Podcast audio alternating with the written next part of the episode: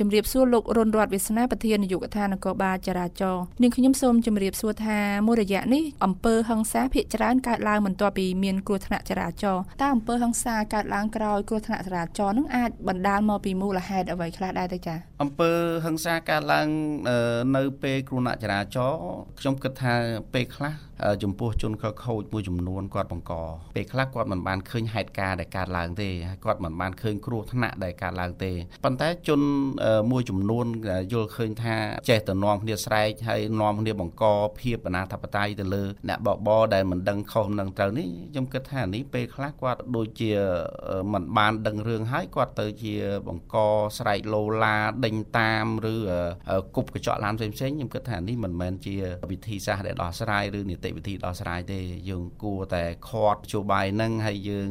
ទុកឲ្យសមត្ថកិច្ចដែលនៅចិត្តបំផុតហ្នឹងគាត់មានវិធានការតាមផ្លូវច្បាប់នេះជាលក្ខណៈដោះស្រាយបាទតើការអស់ជំនឿរបស់ប្រជាពលរដ្ឋទៅលើការអនុវត្តច្បាប់ឬក៏ការដាក់ទោសទៅលើជនបង្កគ្រោះថ្នាក់ហ្នឹងវាជាកត្តាសំខាន់ក្នុងការជំរុញឲ្យមានអំពើហិង្សានេះដែរទេចា៎ ថាភាពអស់ជំនឿពាក់ព័ន្ធទៅលើច្បាប់ ចំពោះខ្ញុំខ្ញុំយល់ថាមិនមែនជាវិធីសាស្ត្រដែលយើងគិតថា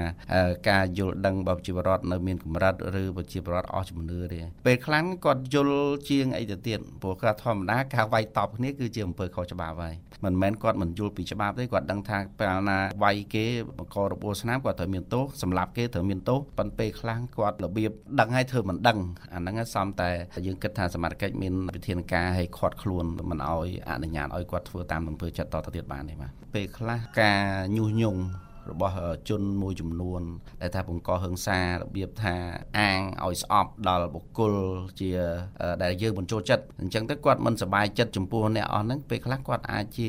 ការញុះញង់ឬការមិនសប្បាយរបស់គាត់ហ្នឹងក៏អាចបង្ករបួសស្នាមដែរអំពើហិង្សាកើតឡើងក្នុងពេលគ្រោះថ្នាក់ចរាចរណ៍ហ្នឹងបង្កឲ្យមានផលវិបាកអ្វីខ្លះដែរទេចា៎អំពើហិង្សាកើតឡើងនៅពេលគ្រោះថ្នាក់ចរាចរណ៍ខ្ញុំគិតថាចំពោះអ្នកបង្កគឺថាមានផលលំបាកធ្ងន់ធ្ងរព្រោះទី1គាត់អាចមានទោសពីបទមជ្ឈិមនិងបទឧក្រិដ្ឋយើងមិនបានឃើញការពិតជាក់ស្ដែងក្នុងភ្នែកយើងឮគេថាយើងឮគេស្រែកយើងនាំគ្នាទៅចោមរោមមើលរឿងចោមរោមទៅវាយមួយដៃមួយជើងអានេះយើងគិតថាអសិលធម៌សង្គមហើយយើងគិតថាសង្គមយើងអ្វីអ្វីមានច្បាប់មានទម្លាប់យើងមិនគួរប្រើអញ្ចឹងគេថាក្រមសិលធម៌ល្អរបស់ប្រជាពលរដ្ឋខ្មែរវាអត់មានអញ្ចឹងយើងចង់ឲ្យបងប្អូនប្រជាពលរដ្ឋហ្នឹងធ្វើម៉េចអត់ធ្មត់យើងឃើញថាទោះបីជាអ្នកហ្នឹងខុសក៏ដោយត្រូវក៏ដោយយើងត្រូវតែសួរនាំឲ្យបានច្បាស់លាស់ហើយយើងធ្វើការខាត់ខ្លួនយើងដល់ជនសង្ស័យឬអ្នកដែលបង្កឬអ្នកដែលយើងឃើញថាអ្នកហ្នឹងក៏មិនបង្កហ្នឹងក៏យើងត្រូវតែឲ្យទៅសមត្ថកិច្ចជាអ្នក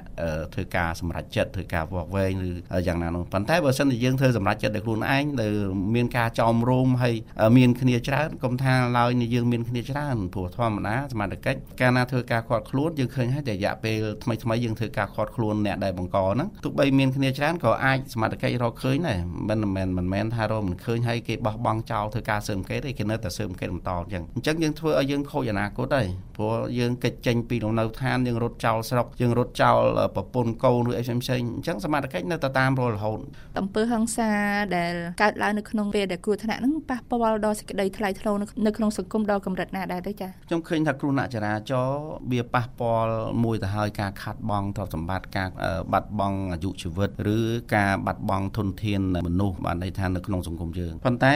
ចំណុចសំខាន់មួយទៀតយើងឃើញថាវាបាត់ភាពថ្លៃថ្នូរមួយទៀតគឺថាដែលការគ្រោះថ្នាក់ចរាចរណ៍ហើយយើងមិនព្រមទទួលខុសត្រូវធ្វើការដោះស្រាយអានេះវាធ្វើឲ្យមើលទៅមានភាពរញ៉េរញ៉ៃសន្តិភាពសង្គមនឹងមិនល្អអញ្ចឹងយើងចង់ឲ្យបងប្អូនប្រជាពលរដ្ឋជាពិសេសអ្នកដែលបង្កក៏ដោយនឹងទៅធ្វើឲ្យមានការទៅជែកគ្នាព្រោះអានេះវាជំរុញទៅបន្តិចម្ដងបន្តិចម្ដងឲ្យមានការយល់ដឹងទាំងអ្នកបើកបរទាំងការយល់ដឹងទាំង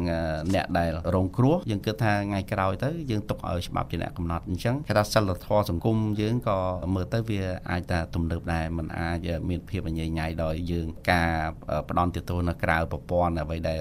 ខុសពីច្បាប់នោះទេបាទតើខាងនាយកដ្ឋាននគរបាលចរាចរណ៍នឹងមានវិធានការអ្វីខ្លះដើម្បីទប់ស្កាត់ឬក៏បញ្ជាអំពើហិង្សាទាំងឡាយដែលកើតឡើងនៅពេលដែលក្រោយគ្រោះថ្នាក់ចរាចរណ៍ដែរទៅចា៎បាទ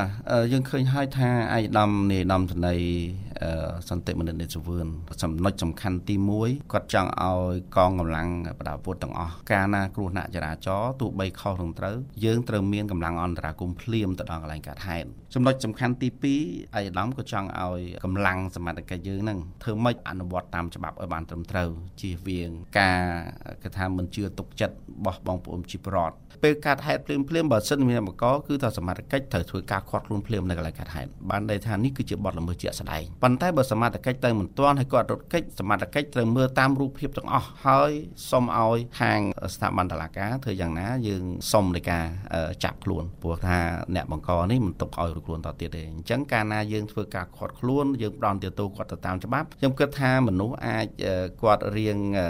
យល់ឃើញថានេះគឺជាអំពើបាបអញ្ចឹងគាត់មិនអាចអនុវត្តតទៀតបានទេអានេះមិនមែនតែគ្រោះថ្នាក់ចរាចរណ៍មួយទេខ្ញុំឃើញរូបភាពផ្សេងផ្សេងខ្លះដូចជាចោលឆក់ឬចោលអីផ្សេងផ្សេងគាត់តែងតែធ្វើការវាយតបឬទាត់ធាក់ទៅលើជនល្មើសហ្នឹង ប៉ុន្តែរូបភាពខ្លះយើងមើលទៅវាមិនសមរម្យទេព្រោះពេលខ្លះយើងមិនដឹងថាអ្នកហ្នឹងជាជនល្មើសពិតប្រាកដមែនអត់ព្រោះពេលខ្លះឮតតគ្នាយើងចូលមកយើងមានកំហឹងថាអ្នកហ្នឹងជាជនល្មើសឬអីផ្សេងផ្សេងយើងបង្កបាត់ហើយអញ្ចឹងវាបាត់សន្តិភាពធ្នាប់បាត់ហើយអញ្ចឹងយើងឃើញភាពនេះយើងអត់ចង់ឃើញតទៀតទេអញ្ចឹងមិនមែនតែនគរបាលចរាចរណ៍មួយទេដែលមានវិធានការគ្រប់នគរបាលជំនាញជានគរបាលព្រំទាន់ឬនគរបាលជំនាញផ្សេងផ្សេងបើឃើញអំពើហិង្សាមួយណាដែលគេថាដែលល្មើសនឹងច្បាប់យើងគិតមានវិធានការគឺខាត់ខ្លួនយកទៅតែម្ដងបាទសូម្បីតែយើងគិតថាមិនបង្កទៅវាយតតអីសូម្បីតែគាត់បង្កទៅគប់ទៅលើរថយន្តគេឲ្យខ្ទេចឲ្យខ្ទីអានេះក៏យើងត្រូវការខាត់ខ្លួនដែរយើងអត់ទុកឲ្យបានទេតើប្រជាពលរដ្ឋនឹងអាចស្វែងយល់ពីច្បាប់ចរាចរណ៍តាមរបៀបណាដែរទៅចា៎ បាទនៅក្នុង website page យើងហៅថា Facebook នេះនឹងយើងមាន Facebook របស់នគរបាលចរាចរណ៍យើង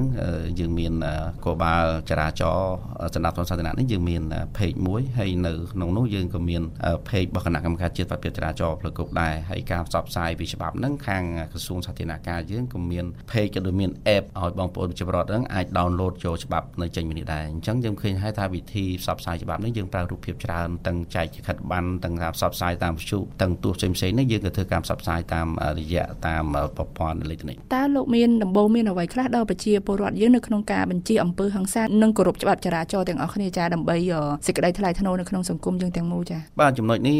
សំខាន់ណាស់ព្រោះយើងឃើញហើយថាប្រជាពលរដ្ឋយើងមិន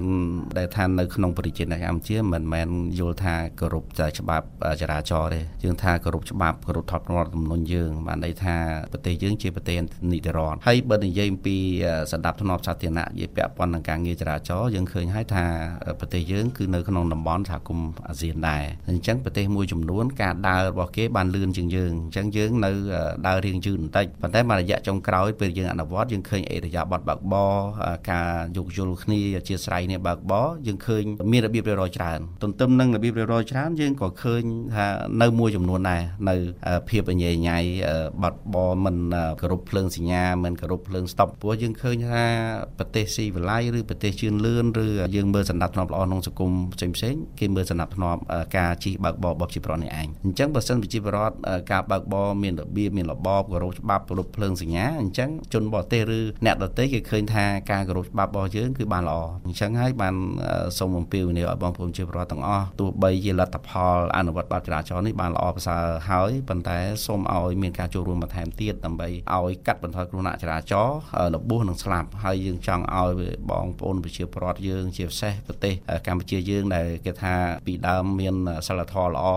ប្រពៃណីល្អនោះយើងចង់ឲ្យដើរទៅតាមរបៀបរបបតាមគ្រប់ច្បាប់នេះឯងបាទចា៎នាងខ្ញុំសូមអរគុណលោករុនរតវាសនាប្រធាននាយកដ្ឋាននគរបាលចរាចរណ៍ដែលបានផ្ដល់កិច្ចសម្ភារនេះនាងខ្ញុំសូមជម្រាបលាបាទជម្រាបលា